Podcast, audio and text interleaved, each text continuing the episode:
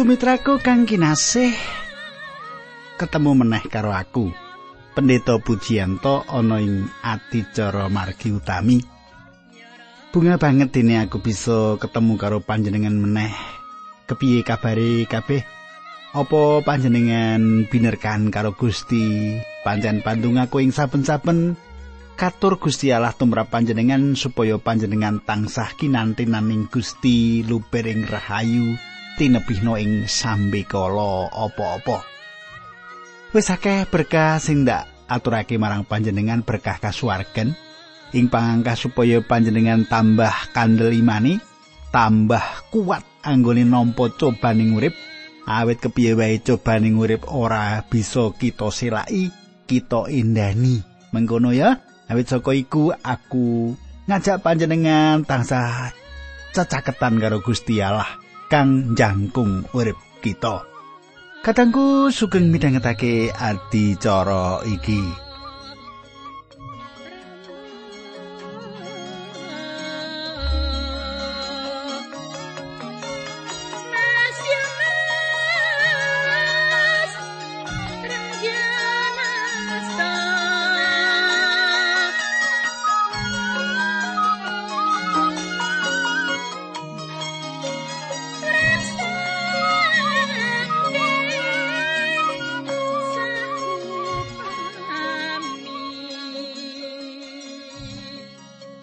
Kadangku ing adicara kepungkur kita wis ndeleng nggone bangsa Israel mbangun kemah suci atas dawuh sing rinci saka Allah.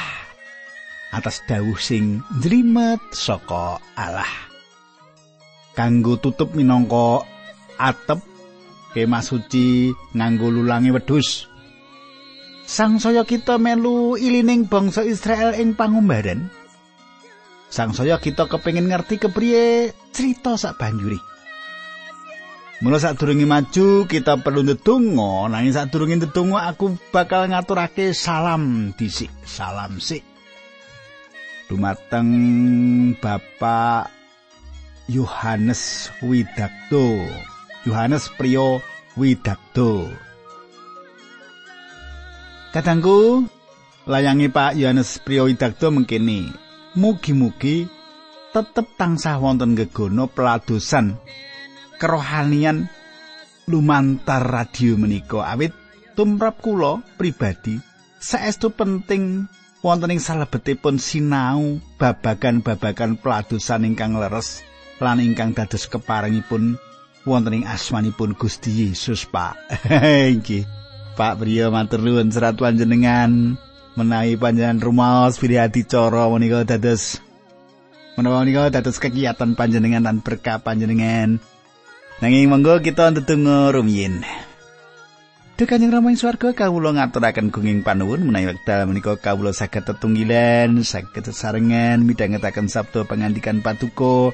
Kawula nyuwun berkah patuko ing pepanggihan menika supados sedaya ingkang mirengaken menika saestu ngrumas pilih Gusti Allah sawek medhar sabdo dinambaran asmanipun Gusti kawula Yesus Kristus kawula ndedonga. Haleluya. Amin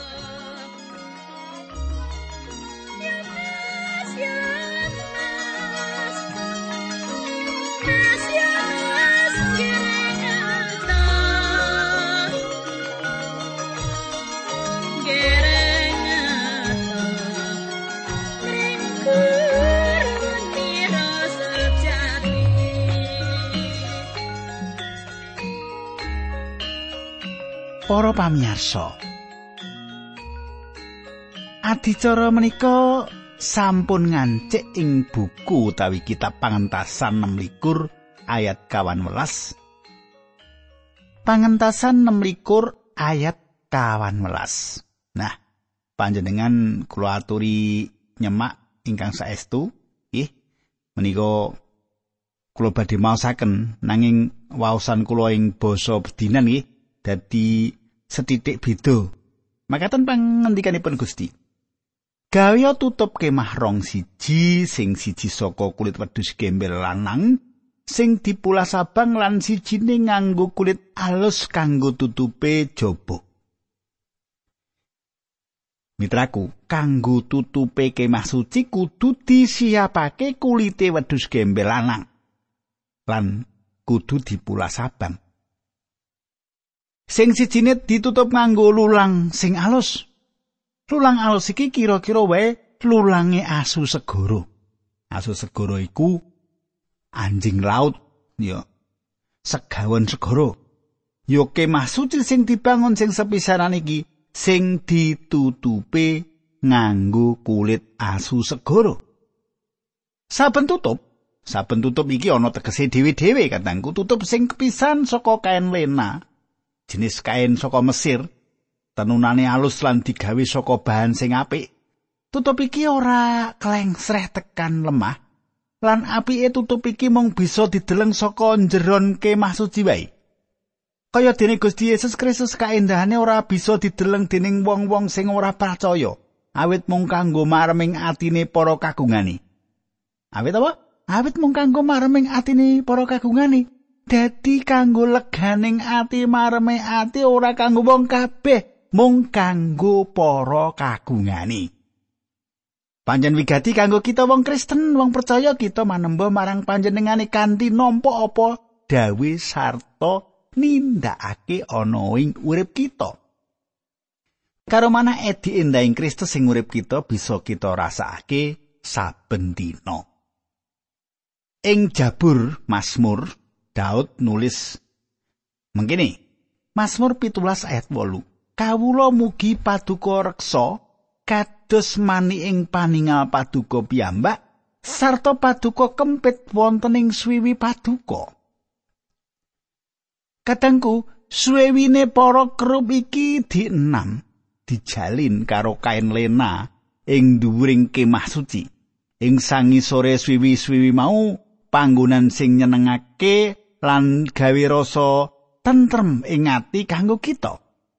Mula kita kudu tansah ngabekti marang panjenengane Allah kita. Nuli ana kene sing nomor loro saka lulang wedhus gembel sing klengsreng lemah. kere iki nggambarake Sang Kristus sing wis tunduk kanggo panebuse para wong dosa. Kere iki gambarake sedane Sang Kristus sing kudu diwartakake marang donya iki. Ing layang Ibrani katulis mengkene, Ibrani 9 ayat 6 Awit yen mengkono panjenengane rak wiwit jagat katitahake kudu bola-bali nggone nglampahi sengsara, ora mengkono. panjenengane mung rawuh sepisan kanggo ing selawase ya kuwi ing jaman wekasan kanggo mirat dosa srana ngorbanake sarirane piyambak. Katanggu, tembung jagat luwih becik diganti karo tembung jaman. Iki nyangkut bab rawuh ing jaman iki sing perlu diwartani bab sedane Gusti Yesus iki. Iki surasa sing dikandhut ing jerone tutup sing digawe saka lulang wedhus gembel. Tutup sing katelu saka lulange wedhus gembel lanang lan kudu dicelup ing warna abang. Ing tenda iki critakake bab tenunan kain lena sing kanggo nutupi kemah suci. Ing sangisore swiwi-swiwi mau panggonan sing nyenengake lan gawe rasa tentrem ing ati kanggo kita. Mula kita kudu tansah ngabekti marang panjenengane Allah kita. ing tenda sing kepapat digawe saka lulangi asu segoro. Sawise patang puluh taun tenda iki bakal rusak, nanging isih tetep bakal nutupi isine kanthi becik. Kaya gambaran Gusti Yesus sing tansah njagi uripe manungsa kanthi becik uga. Kaya dene kain lena sing bisa dideleng indahe saka bagian jero dening wong pracaya, mengkono uga kulite asu segoro. Nanging lulangi asu segoro ora ngono. jalaran bakal rusak lan ora narik kawigaten. Ing buku Nabi Yesaya 53 nulis Wis dadi kersane Allah yen abdine tukul kaya solor sing tuwuh ana ing lemah garing. Ora kagungan derajat utawa pangkat sing pinunjul utawa rupa sing neng semake ati kita pasemone setitik wae ora ana sing marakake kita kasengsem marang panjenengane. Ayat loro Yesaya 53 Kadangku kaya dene kain lena lan kulite asu segara endah saka jero nanging ora narik kawigatene wong-wong sing durung percaya marang Kristus. Wis dadi kersane Allah yen abdine tukul kaya solor sing tuwuh ana ing lemah garing ora kagungan derajat utawa pangkat sing pinunjul utawa rupa sing neng semake ati kita. Pasemone sedhik wae ora ana sing marakake kita kaseng semarang panjenengani kadangku. Kanan donya iki ora ketarik lan bisa ndeleng endahe sing ing jerone urip dikanthi Yesus Kristus. Pangentasan 16 ayat 15 nganti 19 15 nganti 19 mengkene surasane gawe ragangan kemah sing ngadeg jejeg saka kayu akasia. Ragangan mau dawane patang meter sarta ambane swidak 6 cm. Saben ragangan ana puruse kanggo gandeng ragangan siji karo sijine. Gawe ragangan rong puluh kanggo ing sisih kidul cagake ragangan ngisore nganggo umpak sloka loro dadi kabeh ana umpak patang puluh. Kadangku papan-papane digawe saka kayu penaga sing atose ngungkuli atose kayu besi utawa kastigi saka Kalimantan. Kayu iki prasasat ora bisa remuk. Lah papan-papan iki disalut ing emas ing saben sisih ana 20 papan. Lan 10 papan papan iki diwenehi gelang-gelang tumumpang ing kayu sing malang ing tengahe. Tengahe kanggo tumumpang papan bagian burine kemah suci iki. Kiraku papan-papan iki bisa tumpang tindih nanging malah katon timbang laras lan kukuh santoso. Sama barang sing ana sakjroning kemah perjanjian iki mesti ana gandeng cenenge Gusti Yesus utawa pakaryani.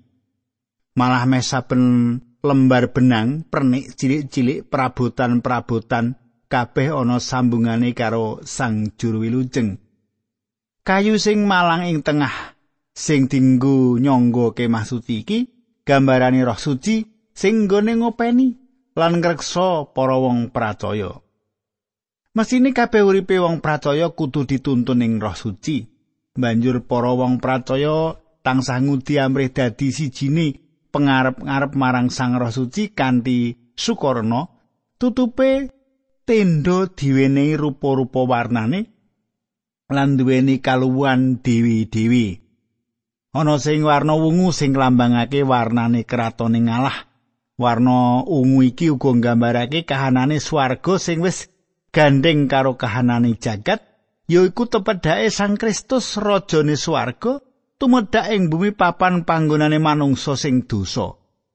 Warna ungu uga nggambarake yen panjenengane Gusti Yesus iku rajane wong Yahudi. Papan kayu malang ing tengah sing disalut karo gelang-gelang mas ngelambangake kealahane Gusti Yesus Kristus. Saiki terus pangentasan 6 ayat 31 nganti 32. Gawe gorden saka kain lena alus sing ditenun nganggo benang biru ungulan abang. Kain mau sulamono gambar kerup nganggo swiwi. Kain mau gantungan nganggo cantelan mas ing cagak akasia papat sing dilapisi mas sarta dipasang ing sanduring umpak sloko. Kadangku geber sing digantung ing antarane cagak-cagak utawa saka-saka iku nggambarake Sang Kristus sing manjalma dadi manungsa. Cagak utawa saka sing disalut emas lan dilemeki perak sing digandeng-gandeng nggambarake Allah sing nguasani bumi saisine kanthi panebusan. Coba panjenengan semak Yesaya 53 ayat 8. Panjenengane dicepeng kaukum lam disedani mongko ora ana sing merduli marang nasibe. Panjenengane disedani merga saka dosaning umate. Kadangku, Gusti Yesus kapundhut dadi korban saka antaraning manungsa ing bumi. Panjenengane mung sugeng nganti yuswa 30 taun. Geber iki digawe saka kain lena halus dalan siji-sijine mlebu ing panggonan maha suci. Sumitra kunalika Gusti Yesus sedo geber utawa tabir iki mlantar tengahe sigar dadi loro. Iki gambarane pisahe jiwa lan ragane Sang Kristus. Nalika sigare geber utawa tabir mau, dalan kanggo sowan marang Allah wis buka. Ora ana dalan liya sing bisa sowan marang Allah Sang Rama kejaba ngliwati percaya marang Kristus Yesus Gusti kita.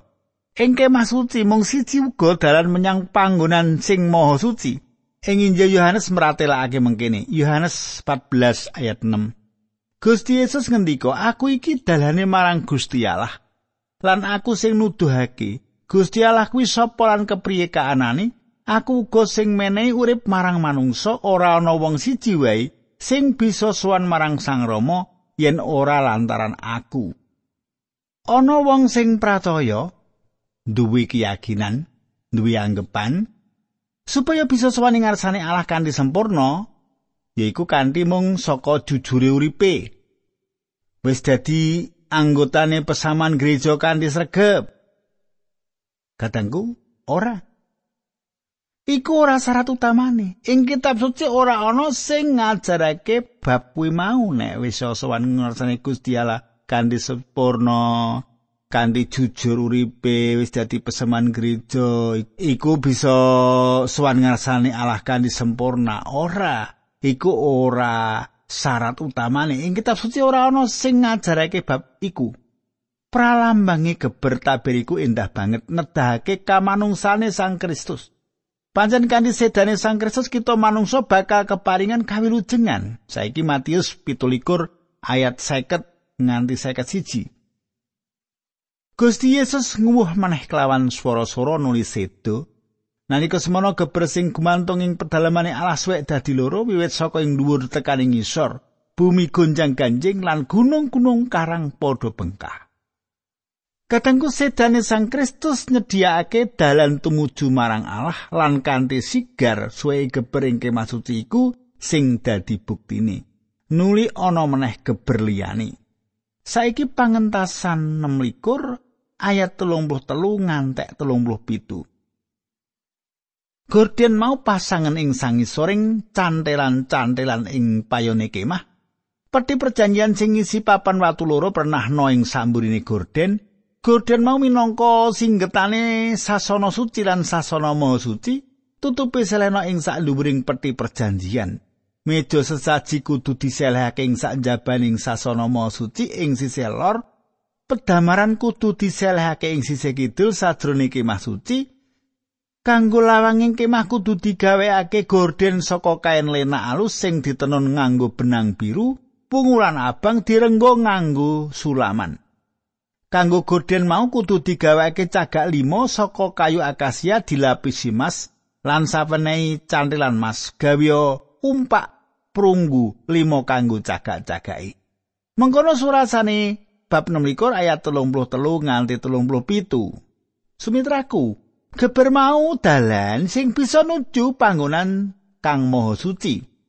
Kang ing kono ana pedamaran, meja sesaji, meja sesaosan, lan misbah kanggo mbakar dupa. Panjenengane Gusti Yesus minangka dalan kita menyang swarga. Mula kita kudu sowan panjenengane kanthi urip sajroning roh lan kayekten. Nah, saiki kita wis ngancik kitab pangentasan bab 17 ayat 1 telu. Panjenengan semak. Gawe mesbeh saka kayu akasia wujude pesagi dawa lan ambane padha ya kuwi loro koma loro meter, dhuwure siji koma telu meter. Wene ana sungu ing saben pojok sisih dhuwur, sungu-sungu mau kudu dadi siji karo mesbeh sarta dilabusi prunggu. gawe wadah awu sekop baki garpu lan wadah geni piranti iku mau kabeh kudu digawe saka prunggu kadangku pelataran sing digawe saka tembaga nggambarake paukuman tumrap dosa piranti ing papan maha suci kabeh digawe saka emas iki nglambangake sesambungan kita karo Allah lan panembah marang Allah ing sajroning papan maha suci ora ana dosa babar pisan. Sakabeh dosa bakal dirampungake ana pelataran kemah suci. Wong-wong dosa padha ana ing njaba. Banjur kepriye carane bisa caket karo Allah? Piye? Sing wigati kudu ana korban sing gelem mati. Kang bakal ganti wong dosa mau. Misbah mau asring diarani uga mejane Allah, uga misbah korban bakaran Ya ing papan iki Allah ngersakake anane petungan karo manungsa dosa. Panggonan iki nggambarake bab salipe Sang Kristus lan mratelakake marang kita yen panjenengane Gusti Yesus seda ganti kita manungsa dosa kaya kang ditulis ing Efesus 5 ayat loro. Uripmu kudu dikuasani dening katresnan kaya dene Sang Kristus nggone wis ngasihi kita lan masrahake nyawani kanggo kita minangka sesausan lan kurban sing gawe renane Gusti Allah. Gusti Yesus Kristus iku dadi korban kita marang Allah supaya kita wilujeng. Sinadyan mesbah di karya digawe tangane manungsa, nanging iku kabeh rancangane Allah saka ing swarga. Salib iku mesbah korban kang dikersakake Allah. Yohanes 1 ayat 29 meratelakake marang kita, Esuwe Nabi Yohanes weruh Gusti Yesus rawuh marani dheweke, Nabi Yohanes nuli ngendika, "Delengen kuwi cempening Allah sing nebus dosane jagat. Gusti Yesus Kristus diutus ditemtokake lan diwecakake dening Allah seda ing kayu salib. Mula Kristus dudu mung sawijining priagung sing ngambek budi. Panjenengan iku cempene Allah sing dikorbanake wiwit urip ing donya iki kawiwitan ora cara liya kanggo suwan marang Allah yen ora kanthi misbah tembogo. Kadangku Yohanes ngandhakake yen Kristus minangka gantine korban ing misbah tembaga, kedadian tulung jam nalika lalakon Gusti Yesus kasalib. Peteng dedet lelimengan Gusti Yesus lunas bayar dosane manungsa. Manungsa ora bisa manembah tetunggu lan ngladosi panjenengane tanpa mberesake dosa-dosane ing misbah tembagane Allah. Para imam wong-wong Lewi kudu marek dhisik ing misbah tembaga ana unen-unen margining salib angganti kita bali. Yen Gusti Yesus durung sedo minangka korban ing misbah tembaga mau, kita ora bakal duweni dalan tumuju marang Allah. Gusti Yesus ora mung dadi cempeni Allah sing sedo krana kita nanging cempeni Allah sing wungu meneh saka antarane pati. Yohanes negasake ing Wahyu 5 ayat 6. Sarta ing satengahe para pinituwa mau ana cemping ngadeg katone kaya tilas disembelih. Misbah tembaga dipapanake ana ing dalane mlebu menyang kemah suci. Salib Sang Kristus ngadeg ing swarga. Senajan salib digawe ana ing bumi. Sinadan mengkono ora ana dalan liya sing bisa tekan swarga tanpa ngliwati dalan salib iki. Kayu penaga sing dinggo kemah suci nglambangake santosa kersane kanggo dadi kurban pancen luar biasa yen kita bisa ngudari teges sing dikandut ing tondo salib. Saiki ayo mirsani pangentasan pitulikur ayat songola 16. Gaweo pelataran ing kiwa tengene kemah palenggahanku sing diwatesi nganggo gorden kain lena alus. Ing sisi kidul gorden mau dawane patang puluh papat meter. Ayat pitulikur 10 nganti 16. Gawenen kaya mengkono uga ing sisih lor, ing sisih kulon gordene dawane 22 meter nganggo cagak 20 sarta umpak 20 ing sisih wetan sing ana lawange plataran mau ambane 22 meter. Ing kiwa tengene lawang kudu ana gorden sing dawane 6,6 meter nganggo cagak telulan umpak telu. Kanggo lawange kudu ana gorden sing dawane 9 meter. Saka kain lena alus sing ditenun nganggo benang biru wungulan abang. Sarta direnggo nganggo sulaman gorden mau kudu disangga dening cagak papat sak dhuwuring umpak papat Sementara aku marani tutup ke maksudin ceritake bab-babat sejarah biru nggambarake Kristus sing rawuh saka swarga apa nglambangake kamanungsane Kristus lan rae sing minangka korban kanggo kita wungu campuran abang lan biru nglambangake kratone swarga lan kalenggane Sang Kristus sing jumeneng raja Para imam lan wong Lewi yen arep mlebu ing kroning kewah suci mesti ngliwati werna-werna iki. Gapura kanggo mlebu iki misahake wong-wong ing sakjabane kemah suci lan para imam lan wong Lewi sing lelados marang Allah. Bab 17 wong Israel perintah nggawa lenga saitun sing becik dhewe kanggo ngiseni damar-damar ing sajroning kemah palengganku supaya disumet saben bengi. Ayat selikur Harun lan anak-anake kudu padha nyumet damar-damar mau. Panggonane pedamaran mau ana ing sanjabane gorden sing nutupi peti perjanjian ing panggonaku. Lampu kudu tetep murup wiwit surup nganti esuk. dawuh iki kudu ditindakake salawas-lawase dening wong Israel turun temurun. Kadangku, padange lampu sing diurupake nglambangake Sang Kristus. Nanging kahanan saiki wis beda meneh sebab Gusti Yesus wis wengko lan ngedhaton ing swarga. Ing Injil Matius ngandhakake yen saben wong percaya iku pepadange jagat. Mongko akeh wong Kristen uga kita, panjenengan lan aku padha ora pepadang. Mong roe Allah wae sing bisa ngagem kita dadi pepadang. Ing kitab Wahyu nyritakake yen Gusti Yesus lagi mlampah ing pendamaran. Iki ateges yen panjenengan ngersakake kita sing dadi kagungan iki tetep dadi pepadang. Sumitraku semene dhisik aturku muga panjenengan kaberkahan monggo kita tetunggu. Durama kaswargan kawula ngaturaken gunging panuwun menawi wekdal menika kawula saged tetunggilan kalian dherek kawula lan kawula sampun ngandharaken berkah-berkah kasukman supados dados kegiatan sanak kadang kawula menika. Linambaran asmanipun Gusti Yesus kawula tunggu haleluya. Amin